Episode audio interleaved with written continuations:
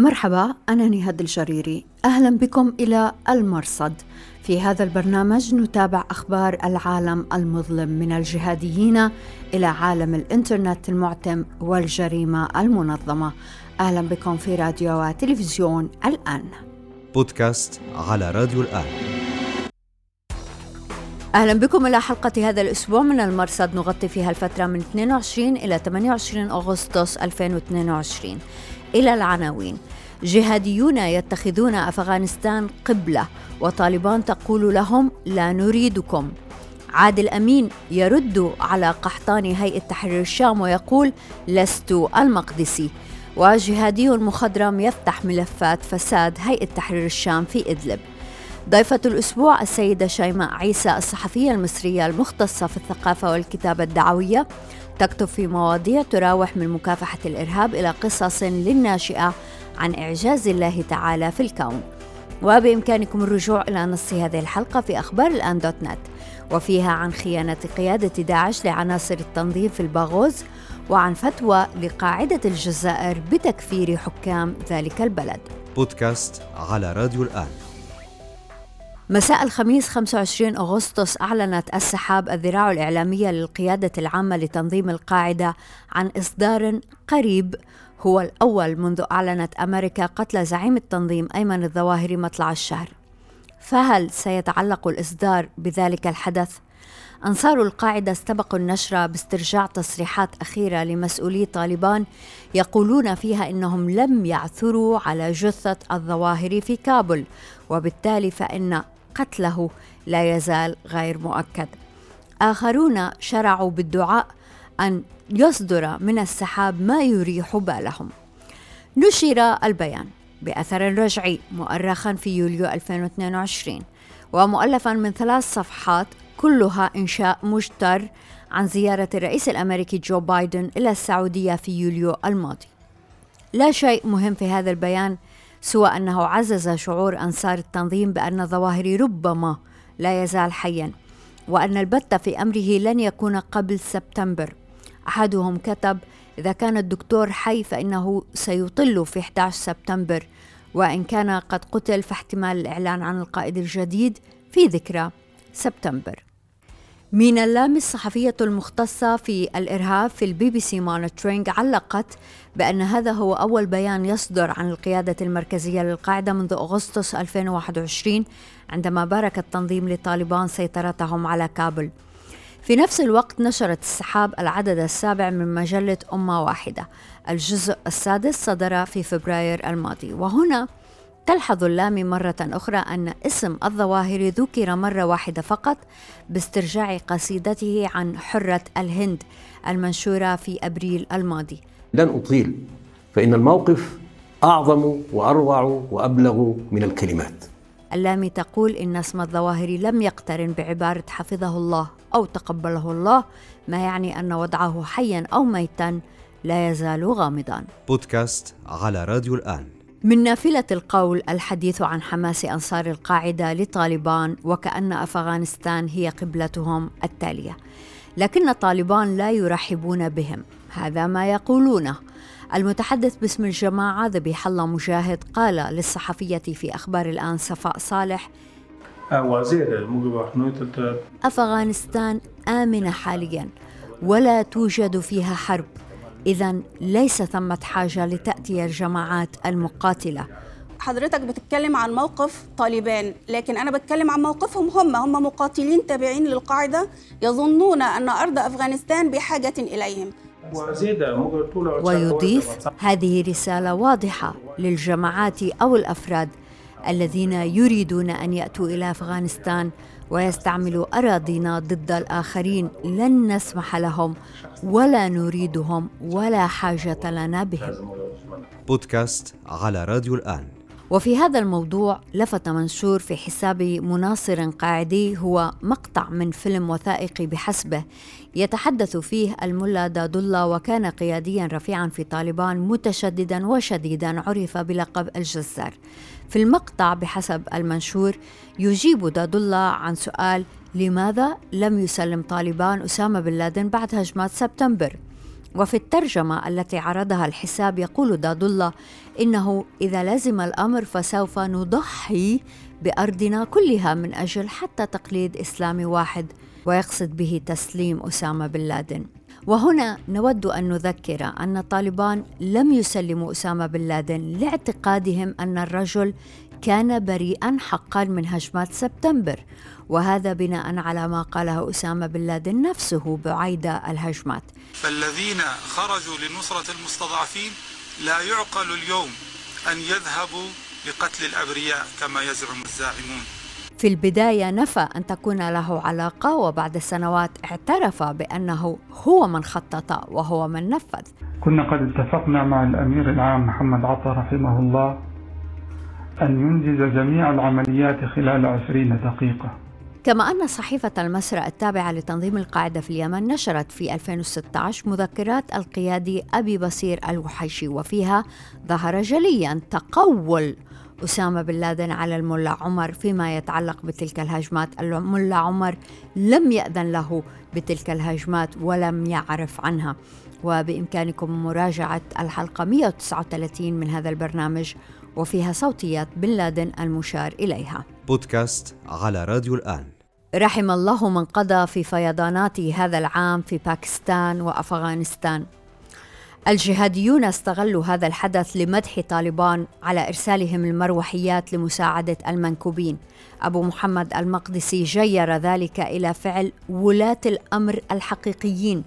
وتناقلت حسابات مناصرة إعلان وزير دفاع طالبان الملا محمد يعقوب أنهم خلال العام الماضي أصلحوا 60 طائرة استخدموها في الإنقاذ. ولنذكر المتحمسين لطالبان أن الإنجازات التي ينسبونها إلى الجماعة اليوم هي من صنع الأفغان خلال العقدين الماضيين بعد سقوط حكم طالبان الأول.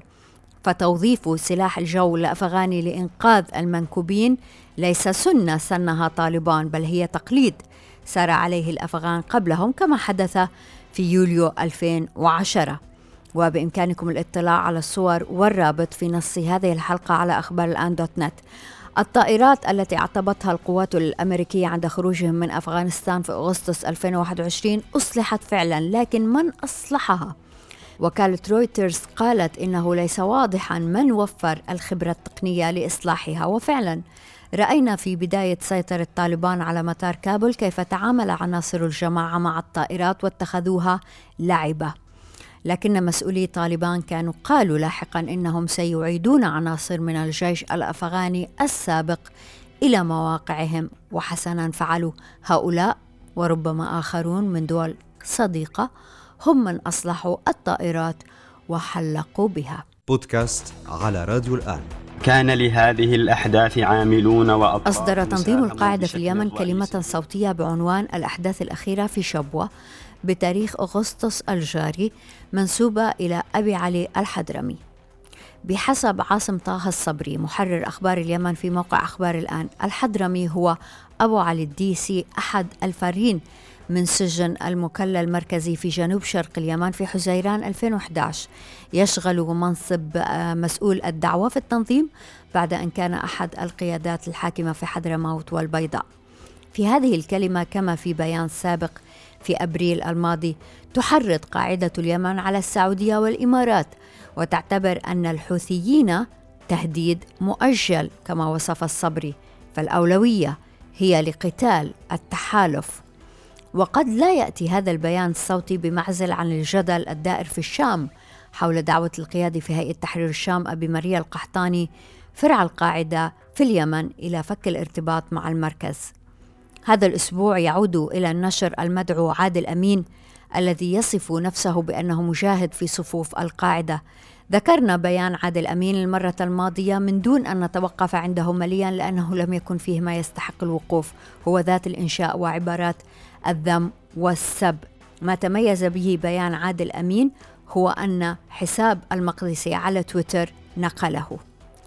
في منشور طويل بعنوان إلا الحماقة أعيت من يداويها ينفي عادل أمين أن يكون هو أبو محمد المقدسي بعد أن كتب أبو ماريا أن عادل أمين هو اسم آخر يختبئ وراءه المقدسي. يتساءل عادل أمين هل يحتاج الشيخ أبو محمد أن يختفي وهو يتحدث بصراحة ووضوح في كل مرة على العلن؟ كلام عادل أمين صحيح المقدسي يتحدث في كل شيء وبصراحة لكنه لم يتحدث في مسألة تحدث فيها أبو ماريا في منشوره نصيحة وهي الثلاثي سيف العدل القاعدة وإيران. هل ينتظر المقدسي البت في مسألة خليفة الظواهري حتى يتحدث؟ وحتى لو لم يكن سيف العدل هو خليفة الظواهري ألا تستحق هذه العلاقة المشبوهة بحثا من طرفه ولو بتغريدة؟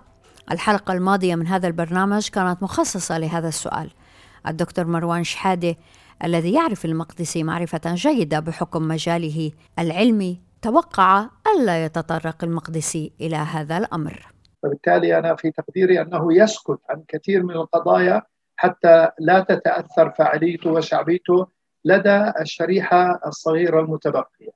أنا لا لا أظن أنه يمتلك الجرأة للحديث عن هذه المسألة الحيوية وغيرها من المسائل بشكل عملي. بودكاست على راديو الآن.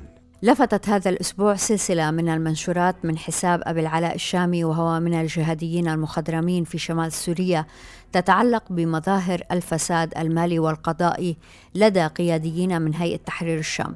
ركز أبو العلاء على القيادي الشرعي مظهر الويس فيتهمه في منشور مفصل ببيع صواعق إلى جهة مجهولة بمبلغ 220 ألف دولار وتوزيع هذا المبلغ على أمنيين معروفين مثل أبي محجن الحسكاوي. وفي منشور آخر يتهمه بتزوير أحكام قضائية لما قال إنه أكل حقوق الفصائل وسلب أموالها ومقدراتها. بودكاست على راديو الآن. أهلا بكم دائما في راديو وتلفزيون الآن. نرحب هذا الأسبوع بالسيدة شيماء عيسى الصحفية المصرية تختص في الثقافة والكتابة الدعوية تكتب اليوم في صحيفة اللواء الإسلامي وفي مواقع عربية متميزة مثل إضاءات لها كتاب تحت النشر هو مجموعة قصصية للناشئة عن إعجاز الله تعالى في خلق الكون. شكرا جزيلا لوجودك معنا في البرنامج سيدة شيماء. أشكرك أستاذة ناهد ويعني أنا سعيدة بوجودي مع حضرتك ووجودي يعني أنا أكون مع حضرتك البرنامج المميز لحضرتك. سيدة شيماء تعرفنا على حضرتك أثناء الإعداد لمقابلة مع زوجك الدكتور عمر عبد المنعم. آه، كان لافت حقيقة مقال كتبتيه في اللواء الإسلامي عن رسالة الدكتوراه للدكتور عمر ولفت أنها يمكن المقالة الوحيدة اللي ذكرت ملاحظات اللجنة المشرفة. آه، تعاملت مع الأمر بتجرد فأحببنا أن نستضيفك في هذا البرنامج. سيدة شيماء بتكتبي في الثقافة والتاريخ بتهتمي بالفضاء. أنت أم تكتبين عن أولادك كثيرا في الفيسبوك. من وحي كل هذا كيف تنظرين لمن لا يزال في هذه البقعة الجغرافية التي أنا وأنت نعيش فيها؟ لا يزال يريد تحجيم عمل المرأة وتعليمها. طبعا هو آه، للأسف يعني مجتمعاتنا العربية أسيرة لتأويلات آه، منحرفة خالص للدين بعيدة عن صحيح الدين. آه، بيروجها الجهلة. آه، وبيروجها بعض الدعاة للأسف اللي ما استندوش لأرضية آه، سليمة آه، في تلقي العلم الديني. والعوام بدورهم بيتبعوا قادة الرأي بالنسبة لهم فمش بيراجعوهم ما بتحصل رجعة فللأسف بعض الأمور زي موضوع زي ما حضرتك تفضلتي بخصوص عمل المرأة البعض بيعتبرها من المسلمات أن المرأة مكانها هو المنزل وفقط. آه، آه، وقصر دور المرأة على آه، الجانب التربوي والجانب المتعلق بكونها زوجة. وده طبعا ده ده ده خلل خطير في فهم الدين والله. يعني من عهد النبي صلى الله عليه وسلم كانت المرأة بتلعب أدوار كبيرة معروفة يعني سيدة أعمال زي ما بنقول النهاردة. على مدار التاريخ الإسلامي كله المرأة كانت فقيهة وكانت عالمة ولعبت أدوار كبيرة جدا.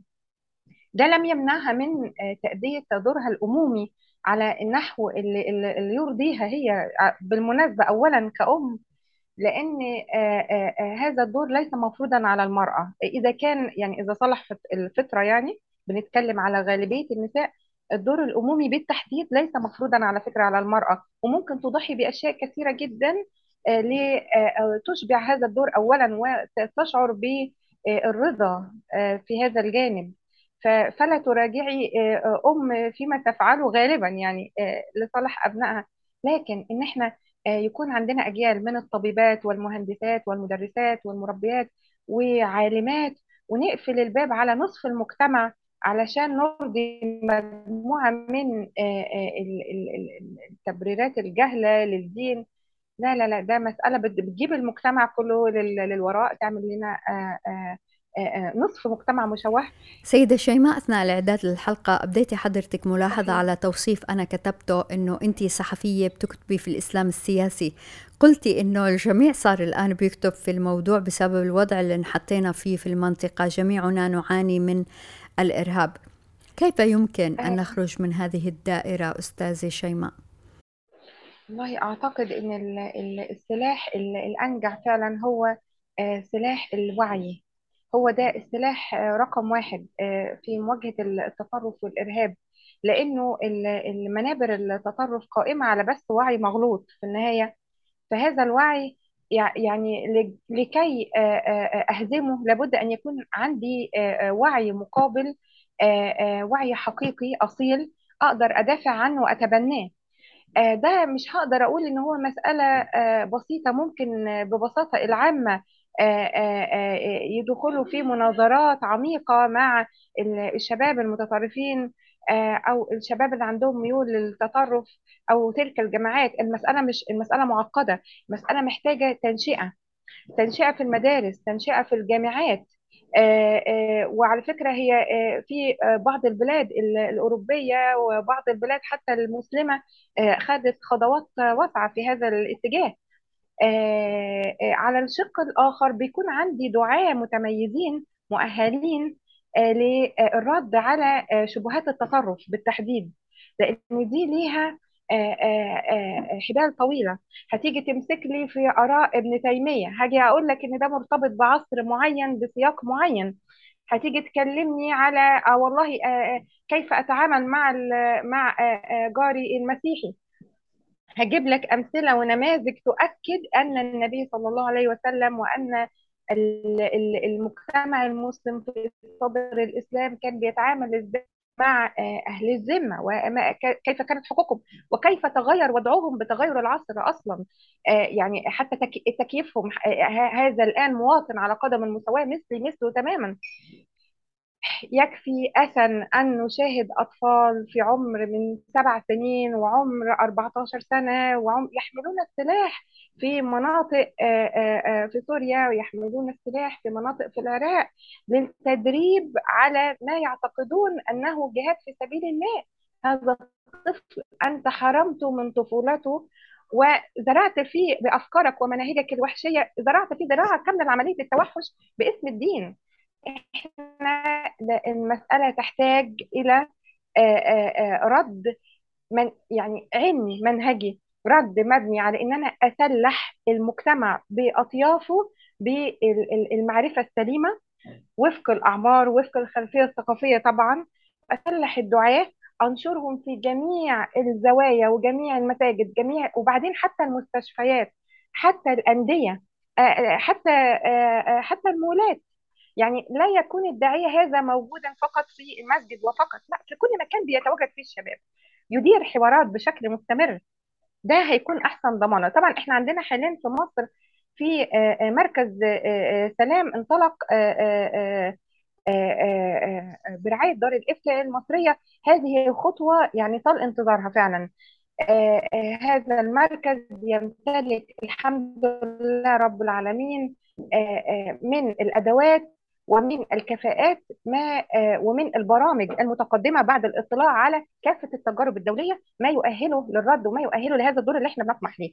طبعا العالم العربي في مراكز اعتدال كبيرة ظهرت في السنوات الأخيرة آه، عندنا حتى في مصر في آه، يعني مركز كبير تابع لدار ال- ال- ال- دار شيخة الأزهر آه، آه، مختص بالرد على آه، ال- التطرف ومجابهه التطرف والإرهاب. أقصد المنابر الحمد لله في وعي آه، الآن. آه، آه، المهم التفعيل على الأرض. يعني يبقى إن التفعيل على الأرض هو آه، آه، وصول وصلنا للهدف المنشود. آه، آه، يعني الإرهاب آه، آه، بيقوم بعملية تجنيد ذكية مستمرة آه، بيجند يوميا عشرات وآلاف من الشباب من كافة بلدان العالم يستغل أوضاعهم السيئة يستغل عدم معرفتهم بالدين لابد أن نسرع الوتيرة ولابد أن نأخذ الموضوع على محمل الجد ومحمل الخطر. في إحدى مقالاتك في اللواء الإسلامي كتبت عن مكافحة التطرف وتجارب عالمية في هذا المجال. كتبت المقال تحت عنوان بين الواقع والعالم الافتراضي ما قصة هذا العنوان؟ هذا الموضوع أنا مهتمة بمسألة تجارب الدول يعني تجارب الدول المختلفة في مكافحة التطرف. سبحان الله كل دولة اتخذت من طبيعتها الخاصة أدوات بنت بيئتها لمواجهة التطرف. زي نتكلم عن دكتور إبراهيم ليتوس مثلا. دكتور إبراهيم ليتوس هو مسؤول عن وحدة تأهيل المتطرفين داخل السجون ببلجيكا. وهو رجل خبير في مواجهة التطرف فأنا تحدثت معه خلال مؤتمر مكافحة التطرف اللي عقده مركز سلام عن كيف يمكن الاستفادة من هذه التجربة؟ كيف تم تأهيل المتطرفين؟ هل نجحت التجربة أم لا؟ ف... واستفدت كثيرا في كيف يمكن تأهيل المتطرفين من خلال برامج نفسية واجتماعية. يعني يشارك فيها علماء الاجتماع يشارك فيها علماء النفس يشارك فيها رجال دين بالتأكيد ورجال أمن أيضا. فالمسألة نجحت بشكل كبير جدا والمجتمع كسب هؤلاء تاني لصحتهم. فالمسألة دي هامة. مصر كان فيها تجارب طبعا في مسألة المراجعات الفكرية داخل السجون أيضا تجارب هامة. ولولاها لما شاهدنا عشرات الأسماء الكبيرة الآن من الجامعة الإسلامية ومن غيرها ومن جامعات الجهاد ومن غيرها. هؤلاء جميعا هم شباب مثقف لكن قضته التجربة يعني تجربته وحظه العسر لبراثن التطرف بشكل ما. وبعد ما حصلت مراجعات كبيرة اشترك فيها رجال من الأزهر ورجال يعني جديرون بالثقة من داخل جهاز الأمن عندهم القدرة على إجراء هذه المحاورات. وبعد ما حصلت طبعا تدخل من مفكرون اسلام يعني مفكرين إسلاميين فالمسألة بيبقى فيها يعني حوار حقيقي يعني يدوم على مدار سنوات لكن بتبقى الثمرة مهمة جدا للمجتمع. هؤلاء أنفسهم هيكونوا معانا في جهود التصدي لمواجهة التطرف بشكل يمكن أكثر مصداقية للشباب لأنه هيشوف هذا الذي قضى عمره في هذا الطريق وكيف اكتشف أن هناك خديعة ما في هذا الأمر أستاذ شيماء قرأت لك في الفيسبوك أنك بتحكي قصص لأولادك قبل النوم ماذا تحكين لهم؟ ولو عندك ابنة هل تحكين لها قصصا مختلفة؟ أتمنى أنا بحب البنات عبد الرحمن وأنس أصدقائي وأبنائي فأعمارهم تسع سنين وست سنوات. طبعا القصص إحنا من عادتنا إن إحنا بنشتري كتب الأطفال معرض القاهرة للكتاب ومعرض الكتاب المتاح خلال بنحرص على يعني اقتناء غنيمة كافية للعام. وتكون زاد لنا للقراءة والتمتع بالحكايات. فأنا أنا واحدة من المغرمات بقراءة القصص أصلا وكتابتها آه لذلك آه حينما يحين المساء بتكون فرصة مناسبة جدا لأن إحنا آه نختار كل يوم قصة. أحيانا تكون من الأدب العالمي أحيانا تكون قصة من الأدب العربي من القصص البسيطة. أحيانا تكون من قصص قصص معاصرة قصص مترجمة من جنسيات مختلفة. أحيانا أقرأ لهم ما أكتبه من قصص أقدمها للناشئة. عادة يكون لنا يومان للحكي من خلال التاريخ الإسلامي. أستدعي قصص الصحابة أستدعي قصص التابعين الملهمة المؤثرة. وأعيد حكيها بطريقة تناسبهم طبعا لأطفالي. هذا يكسبهم معارف مهمة بخصوص تاريخهم الإسلامي. يصنع لهم مسألة العزة والمجد بهذا التاريخ. ويستدعون من خلاله ليس مواقف فقط تتعلق بالدين الإسلامي والجهاد وما إلى ذلك بطريقة صحيحة وليست الطريقة المغلوطة لكنهم يستدعون أيضا في أفكارا إنسانية. يعني على سبيل المثال كيف يكون المرء أخا لجاره؟ كيف يكون كيف فكرة الإيثار؟ يعني لو تحدثنا فكرة الإيثار فكرة محبة الغير. يعني هناك أفكار محبتهم كيف كيف أحبوا النبي صلى الله عليه وسلم كيف افتدونه وكيف أحبوه. فهذا حينما تقدمينه من خلال القصص يعني يرسخ في شخصية طفلك بشكل كبير.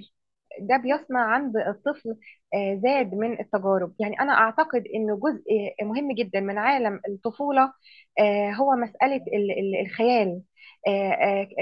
أنك كأم تستطيعين إنك تدخلي ابنك في زي نسميها جزر الأحلام والخيال وإنه يحلق معك كل ليلة.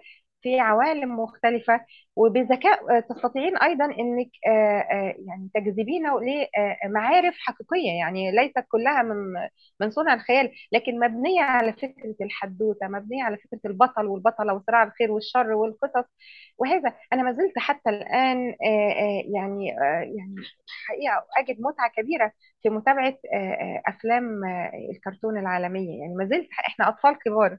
حتى الآن فمسألة الدهشة وإثارة الدهشة عندنا وعالم البراءة حقيقي اللي بتجدينه في في قصص الأطفال ده يعني أكبر أكبر شيء ممكن تقدمينه فعلا. وأعتقد إنه حتى المناهج التربوية والمناهج التعليمية لو اعتمدت فكرة القص وفكرة الحكي هتنجح بشكل كبير جدا. يعني ده مناسب لعقلية وشخصية الطفل.